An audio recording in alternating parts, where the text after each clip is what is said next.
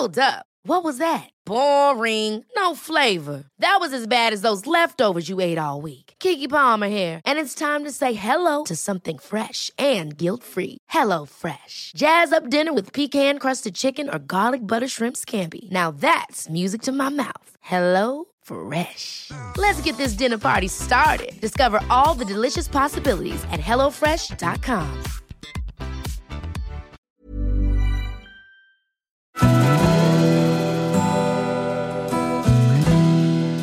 Välkommen till Stora relationsguiden.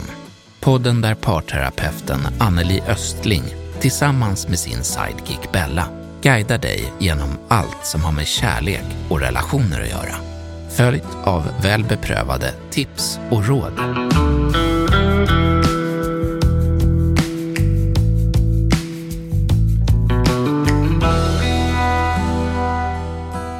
Njuter du av livet med din partner och älskar hur ni har det och kanske inte alls vill förändra det genom att skaffa barn?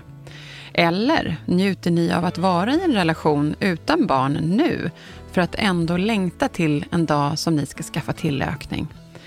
Eller är du kanske till och med den som har bara längtat och väntat efter att få träffa den rätta för att sen också få höra de där små trippande fötterna där hemma? Ja, behoven ser ju onekligen olika ut hos oss människor. Och frågan är, är ni synkade i er relation? Vill ni samma sak och kan det vara så att ni är långt ifrån varandra när det kommer till den här frågan? Idag ska vi ta upp en av de mest omdiskuterade frågorna i parrelationer. Att skaffa barn eller inte. Det är en fråga som berör många och som kan vara både komplicerad och känslosam att ta ställning till. Om man kommer fram till att man vill ha barn, hur många barn vill vi ha i så fall? Och vem i paret bestämmer hur många barn ni ska ha nu då? Om ni är oense om det alltså. Att ta beslut om att skaffa barn är som sagt en stor livsförändring som kan ha en stor påverkan på relationen också. Så vad händer när du och din partner inte är överens om beslutet? Och vad händer om ni inte är överens om antalet barn? I dagens avsnitt kommer vi diskutera dessa frågor och mycket mer om det här. Vi kommer titta på olika perspektiv, reflektera över våra egna erfarenheter och ta upp några av de vanligaste problemen som kan uppstå i samband med att besluta om barn. Jag vill också vara tydlig med att säga att vi kommer inte i detta avsnitt prata om ofrivillig barnlöshet. Det spar vi till ett annat avsnitt framåt.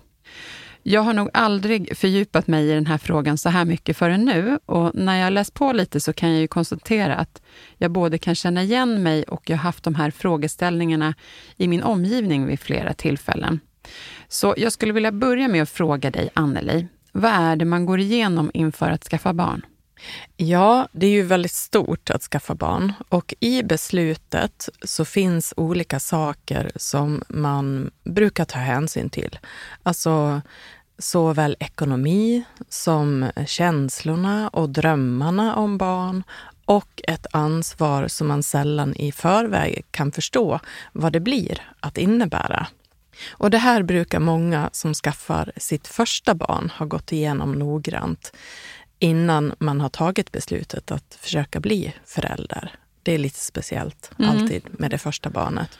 Ja, och, och, och, man vill hitta den rätta tajmingen och eh, man vill att allting ska vara förberett. Liksom. Mm. Mm. De flesta i alla fall tror jag känner så. Jag, ja. jag, kan verkligen tänka tillbaka på den där tiden och den där kittlande känslan av skräckförtjusning. Att liksom faktiskt bestämma sig för att nu kanske det här kommer ske. Och det är liksom mest pirrigt. Men tror du att många går igenom de här sakerna som du nämnde? Ja, mer eller mindre tror jag att de gör det. Åtminstone med första barnet. Och ansvaret som kan kännas överväldigande, det tycker i alla fall jag att eh, ibland så kunde man bli jätteskrämd av ansvaret. Ska jag vara en förälder som tar ansvar för det här barnet? Men också tryggheten som man har runt ekonomi brukar vara en viktig sak. Och man pratar också om hur ett barn passar in i livet rent timingmässigt och vad som kommer att hända med det eller de arbeten och karriärer som man har eller kanske önskar sig. Det här blir ju ett avbrott på något sätt och hur kan man undvika att det blir något som stökar till det? Det känslomässiga och det romantiska i drömmar om att bli familj ligger nog mest som en stark drivkraft. Det gjorde det i alla fall för mig. Som bara påskyndar beslutet när man känner sig något sånär redo. Mm. Ja, det där kan jag verkligen hålla med om. Och Det är ju kanske mer arbete och ansvar än vad man kunde föreställa sig med barn. Även om man inte skulle vilja ha det ogjort såklart. Men vad händer sen då? Ja, att skaffa ett andra barn, för många självklart. För att man dels vill ha fler barn och ett syskon till det andra barnet inom något eller några år när man är småbarnsförälder. Och det brukar inte vara så mycket att diskutera här, mer än att försöka ha rätt timing igen.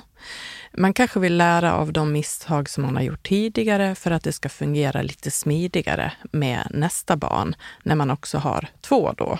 Och det som kan hända här är att en i paret bromsar om man känner att relationen inte känns bra.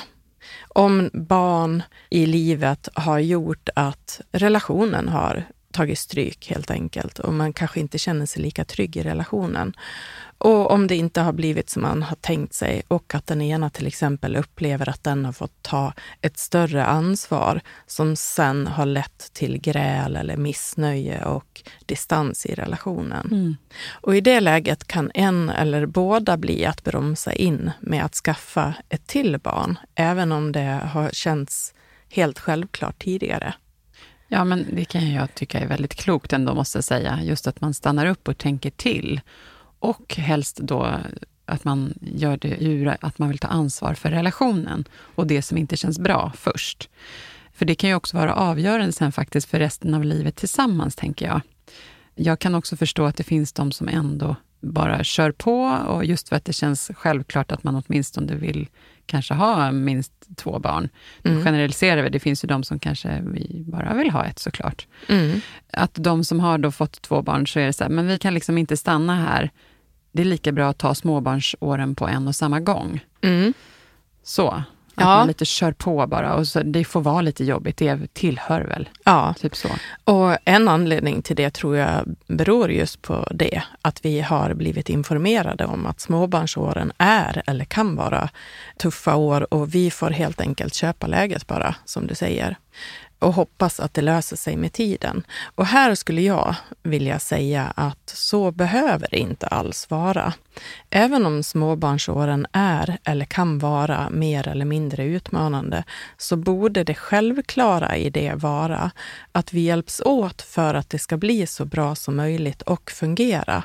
Och man behöver vara måna om att båda ska kunna må bra så att man kan må bra i relationen, för det är liksom det som är kärnan.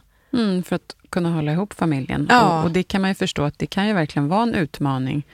Och det finns kanske inga riktiga genvägar utan bara att hantera det här tillsammans. Mm. Men det är ju ibland lättare sagt än gjort och det har man ju både hört och själv upplevt. Ja, och man vet ingenting om det här förrän man själv sitter i situationen. Mm. Men när vi väl börjar känna oss sådär trötta till exempel och kärleksfullhet har bytts ut mot frustration eller missnöje och ett agerande som blir att gå ut på att mer ta hand om och försvara sig själv i det här. Om man inte känner förståelsen ifrån en partner. Och om det då saknas omtanke och förståelse för varandras situation så blir man automatiskt att bevaka sin egen och då kan man hamna på varsin planhalva där båda kämpar med att få rätt. Liksom. Och eh, en maktkamp om vem som är tröttast eller har gjort mest eller minst och vilka sysslor som väger tyngst. Det kan bli det som man ägnar sig åt Ja, och det kan ju man tänka, det är lite synd och barnsligt eller så, men man kanske är så trött så att man, då kommer såna där mm. känslor fram. Mm. Eh. Och då vill jag bara säga att då är det ju bra att man har tänkt till och kanske lyssnat på ett sånt här avsnitt. Mm. Att man är medveten om att det blir tufft, men vi behöver ta ansvar ändå. Och jobba på det. Ja. Mm. Mm. Och jag kan tänka mig att det är många som känner igen sig i det här, men också många som hjälps åt och faktiskt tar hand om relationen också under den här tiden. För man är, som du sa, kanske fått det hört för sig innan. Mm. Och det är många som skaffar fler barn och det är ju nummer tre som kanske brukar bli där det ställs mer på en ända. Har jag förstått eh, från folk runt omkring mig och vad man läser och sådär. Jag tycker att det ändå är intressant att det kan bli en vattendelare kring den frågan, för det märker jag. Det här med att tre barn, då blir det kaos och vissa, nej, de bara hänger på. Mm. Så det verkar vara en vattendelare, eller håller du med mig Anneli? Ja, det är den här magiska trean. Och det här är någonting som jag stöter på ganska ofta mm. i mitt arbete. Okay. Och det kanske finns en logisk förklaring här egentligen. De par som bara skaffar ett barn kanske aldrig har pratat om eller drömt om att ha många barn och stannar vid ett och njuter fullt ut av det. Att skaffa två barn, det kan gå av bara farten för de som har varit inställda på att ha fler barn. Däremot så kan det ta stopp där, även om man tidigare har pratat om att skaffa tre eller flera barn. Alltså vid den här tidpunkten med två barn, det kan vara rätt utmanande.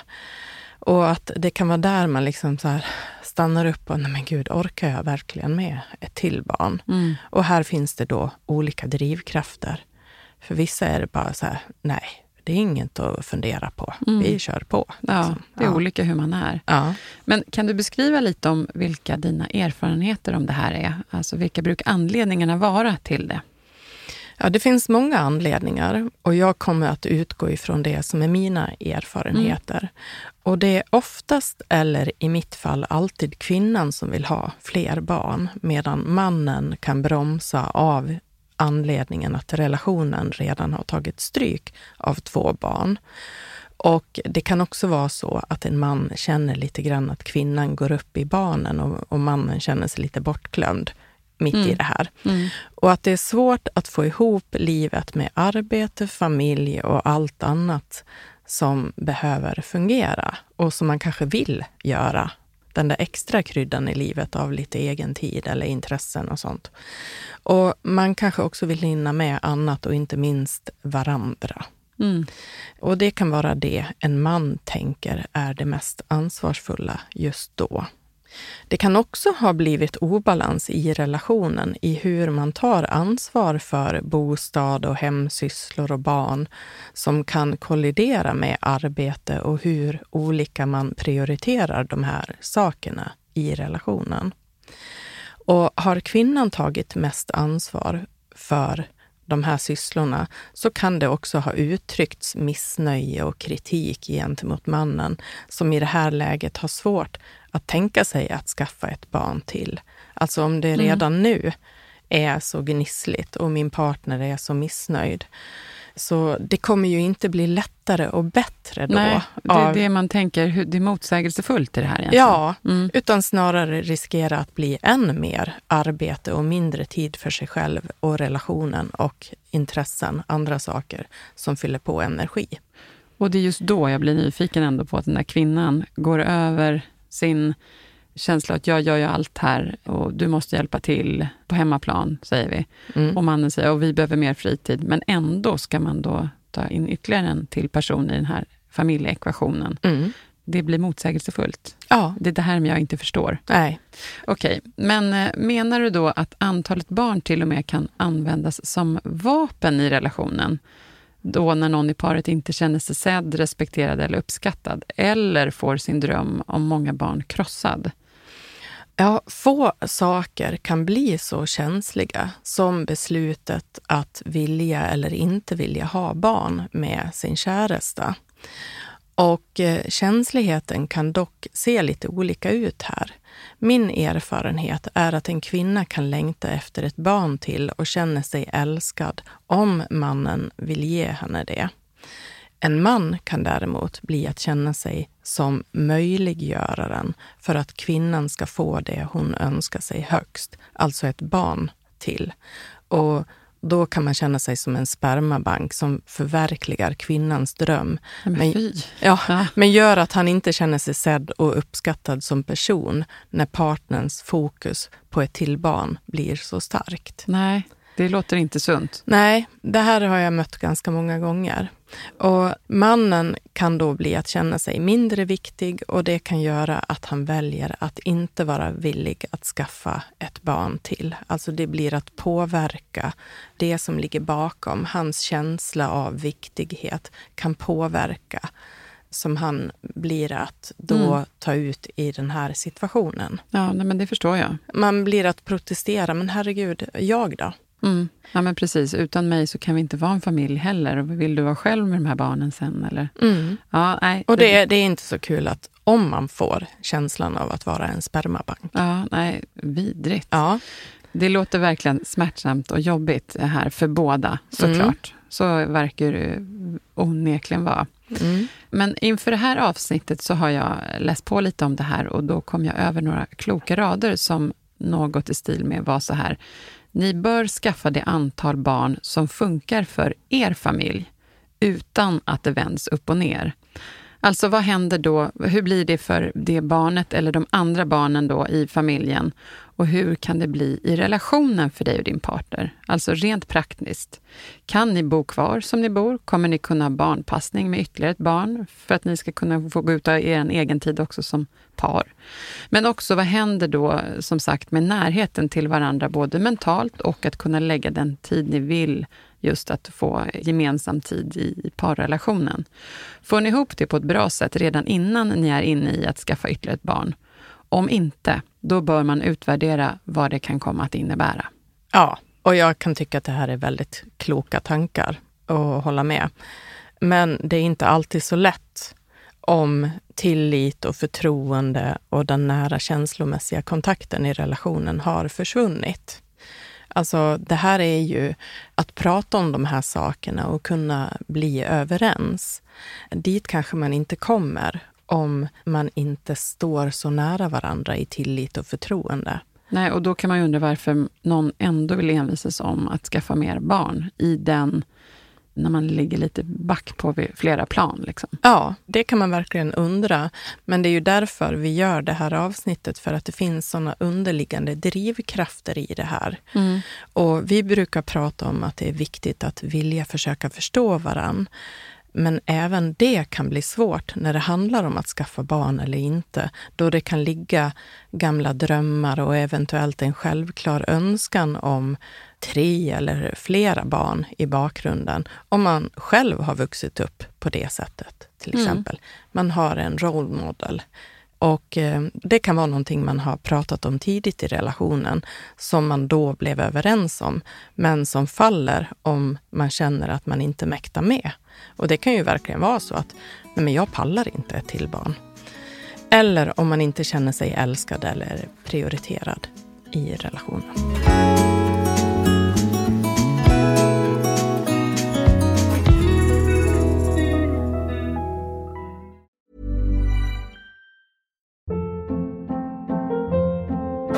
Hold up. What was that? Boring. No flavor. That was as bad as those leftovers you ate all week. Kiki Palmer here, and it's time to say hello to something fresh and guilt-free. Hello Fresh. Jazz up dinner with pecan-crusted chicken or garlic butter shrimp scampi. Now that's music to my mouth. Hello Fresh. Let's get this dinner party started. Discover all the delicious possibilities at hellofresh.com.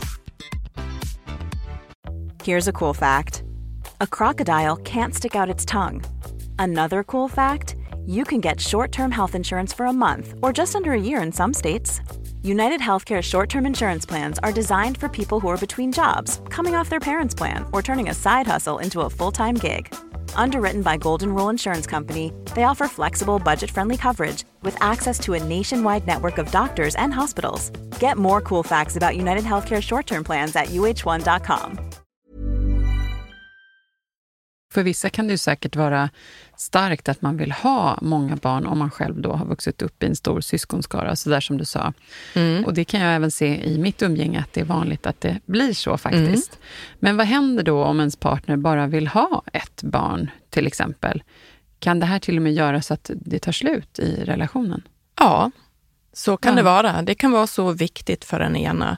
Ofta då för kvinnan som känner sig sviken och uppgiven i att få sin dröm krossad så att man allvarligt funderar på hur man ska klara av att leva kvar i den här relationen med den besvikelsen att man har blivit sviken.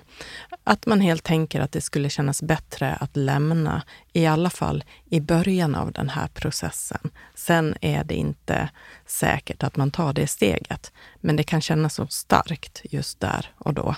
Mm. Ja, det låter ju verkligen drastiskt och eh, det låter inte direkt logiskt, men det här är väl också mer ett känslomässigt beslut både att så gärna vilja ha ett till barn och att känna att man inte kommer kunna leva med den besvikelsen. Mm.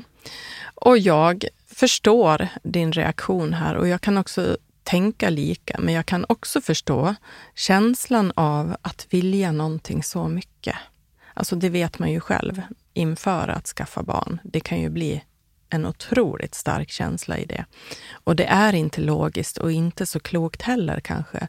Men när man är mitt i besvikelse så tänker man inte rationellt. Och jag har faktiskt inte varit med om att någon har lämnat på det sättet. I alla fall av de par som har varit hos mig. Men jag har hört det sägas. Alltså att hotet kommer, att man vill lämna. Och Det kan också vara som ett sista rop på hjälp eller för att få partnern att förstå hur viktigt det här är för mig.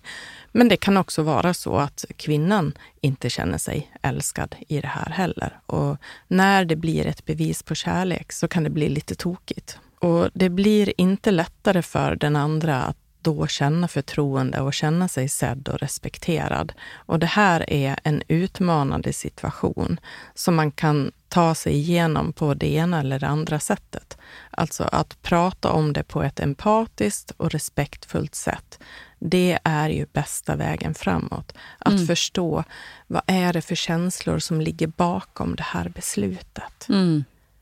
Ja men verkligen. Nu kommer jag att tänka på en sak faktiskt. Tidigt i min och min mans relation, då var vi så himla unga, men han var superredo. Mm. Jag var så 21 kanske och han var så här, kommer du vilja ha barn med mig eller? Mm. Det var så där, jag måste veta det, för annars måste jag gå vidare och träffa någon annan i livet. Mm.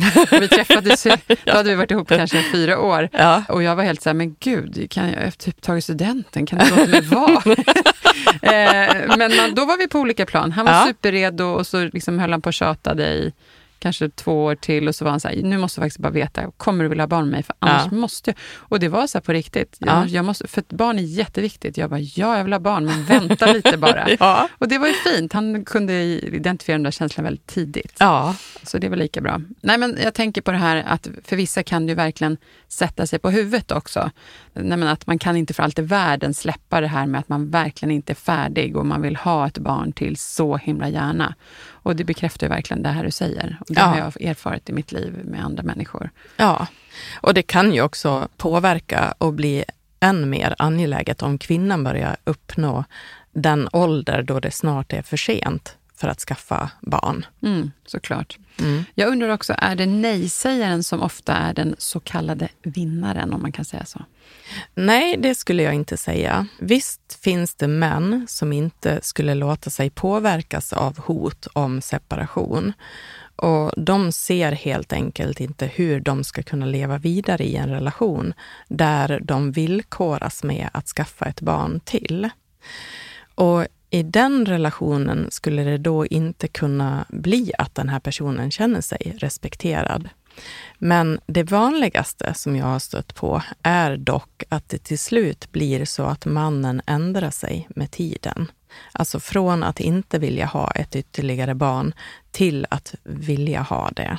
Mm. Eller vilja och vilja. Men kvinnor kanske helt enkelt är bättre på att övertala i de här fallen och att mannen till slut inser lite motvilligt hur viktigt det här är för kvinnan och att eh, det blir helt enkelt enda chansen att få vara kvar i den här relationen.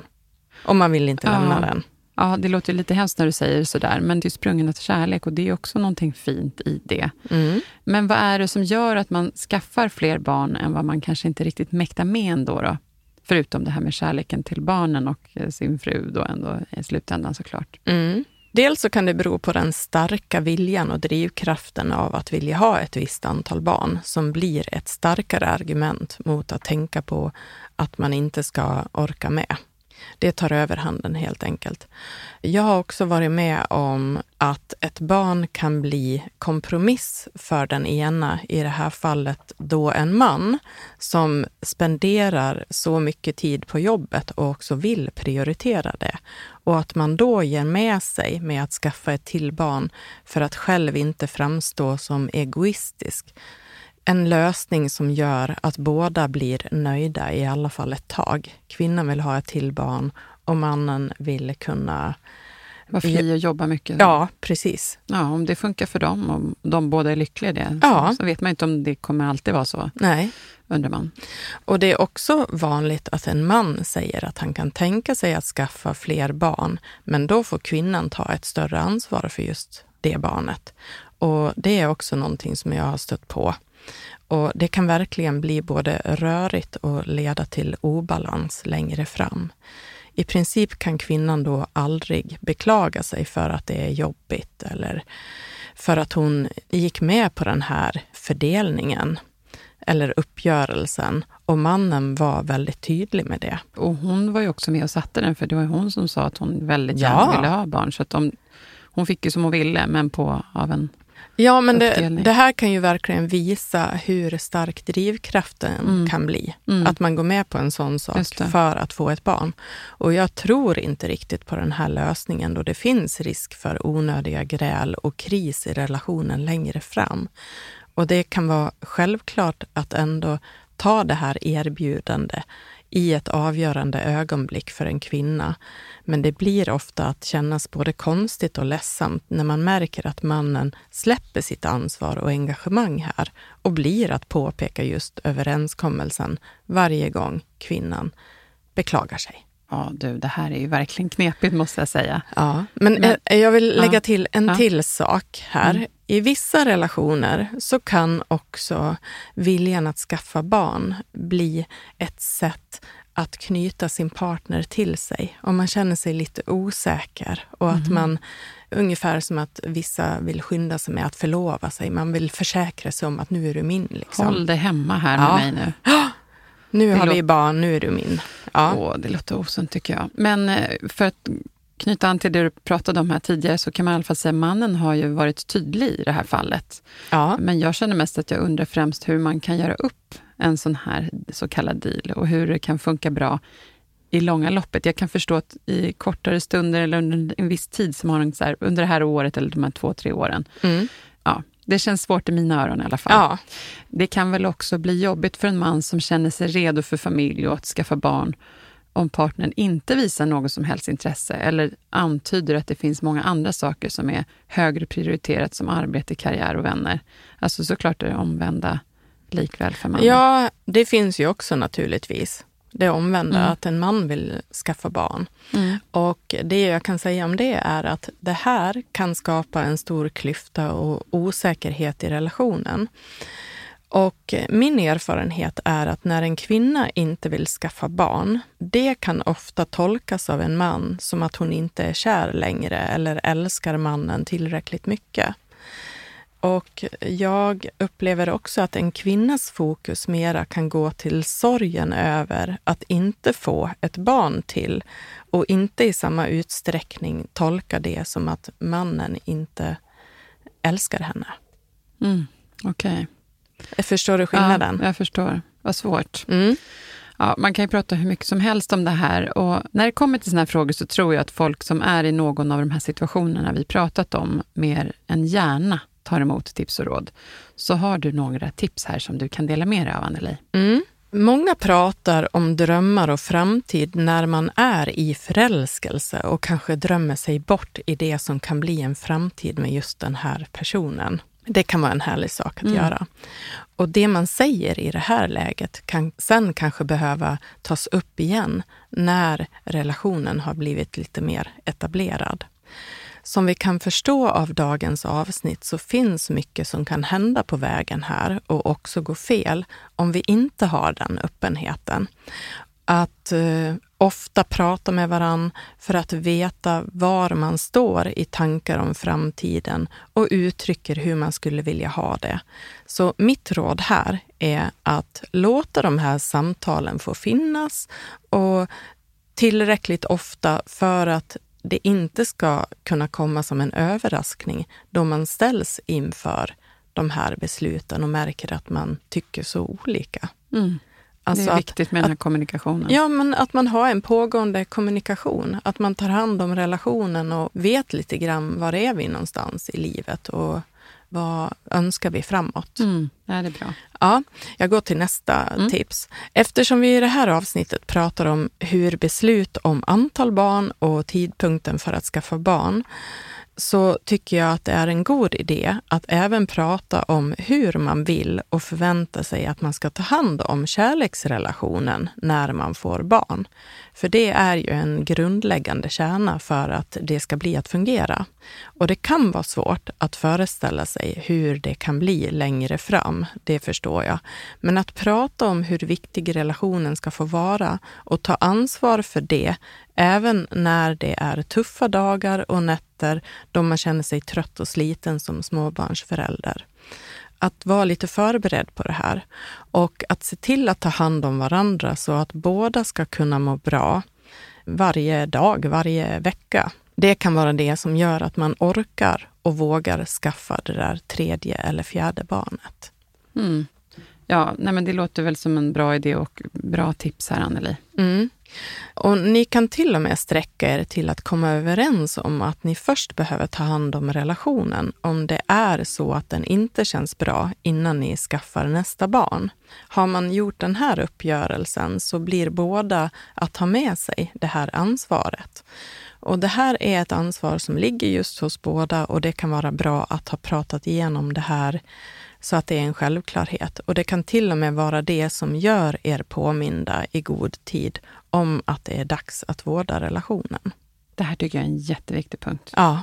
Det vill jag verkligen att alla ska ta till sig. Bra, du stryker under ja, den. jag vill verkligen stryka under den. Ja. Ta hjälp om ni inte lyckas själva. Ja. Det finns parterapeuter. ja. ja. Och Det kan också vara bra att gå igenom de förväntningar var och en har på familjebildning och antal barn som man tror att man vill ha. Och ni kan också motivera varför och hur ni tänker om det, så är det lättare för den andra att förstå varför det kommer att vara en så stark drivkraft för den ena eller den andra och hur det kommer att styra era önskningar. Genom att titta på hur var och en har vuxit upp, hur många syskon man har och varför man skulle önska färre eller fler syskon eller lika många till sina barn, alltså de egna barnen då, det kan vara en bra information att ha om sin partner. Mm. För det där brukar ofta, som du sa också i din bekantskapskrets, att många gör lika som man själv har vuxit upp. Ja, det är ens referenspunkter. Vi hade ju så härligt när vi växte upp. Så ja. kanske. Eller så är det motsatta. Det var, ja, det var perfekt att vara tre syskon eller två syskon. Eller, eller... så var det så här, jag fick aldrig tid, jag vill bara Nej. ha ett barn. Ja. Motsatta. Mm. Och sista tipset då. Om ni hamnar i en svår situation där ni är oense i frågan att skaffa ett barn till, se till att vara ärlig med varför och anledningen bakom som kan handla om någonting helt annat som skapar oviljan eller desperationen i att skaffa ett till barn. Låt inte barnfrågan bli en täckmantel eller ett vapen för andra problem som du kan känna i relationen. Som till exempel att inte känna sig respekterad, eh, sviken, viktig eller tagen för given i relationen. Och det är begripligt att inte vara sugen på att skaffa barn om man känner sig otrygg eller om man önskar skaffa barn för att se om partnern verkligen älskar en som ett bevis på kärlek. Och det blir aldrig bra. Verkligen inte. Nej. Det är osunt. Ja. Då kommer du få mycket att dela med längre fram istället. Att inte skaffa barn av rätt anledning. Nej. Och visa istället sårbarhet och försök att återfå nära känslomässig kontakt för att sen kunna ta ett ansvarsfullt beslut om någonting så viktigt och kärleksfullt som att sätta ett nytt barn till världen. Med allt ansvar det innebär av att vara två sunda vuxna föräldrar. Så bra sagt, Anneli.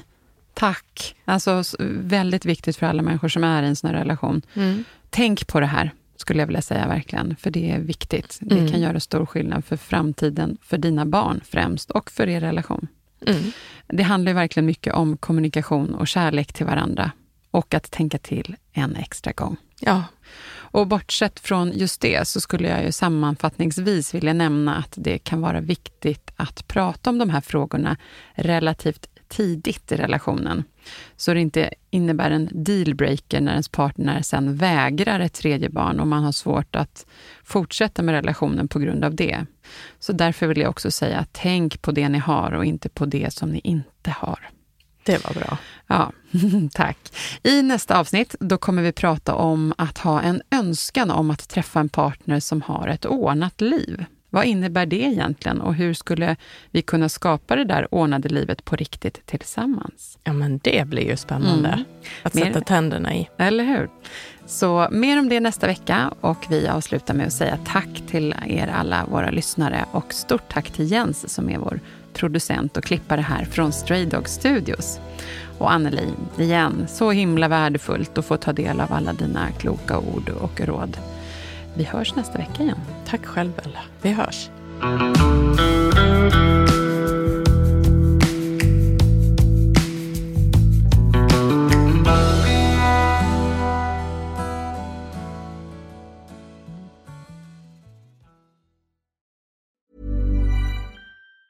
Ever catch yourself eating the same flavorless dinner three days in a row? Dreaming of something better? Well, HelloFresh is your guilt free dream come true, baby. It's me, Gigi Palmer. Let's wake up those taste buds with hot, juicy pecan crusted chicken or garlic butter shrimp scampi. Mm. Hello Fresh. Stop dreaming of all the delicious possibilities and dig in at HelloFresh.com. Let's get this dinner party started. Hi, I'm Daniel, founder of Pretty Litter. Cats and cat owners deserve better than any old fashioned litter. That's why I teamed up with scientists and veterinarians to create Pretty Litter. Its innovative crystal formula has superior odor control and weighs up to 80% less than clay litter. Pretty Litter even monitors health by changing colors to help detect early signs of potential illness. It's the world's smartest kitty litter. Go to prettylitter.com and use code ACAST for 20% off your first order and a free cat toy. Terms and conditions apply. See site for details.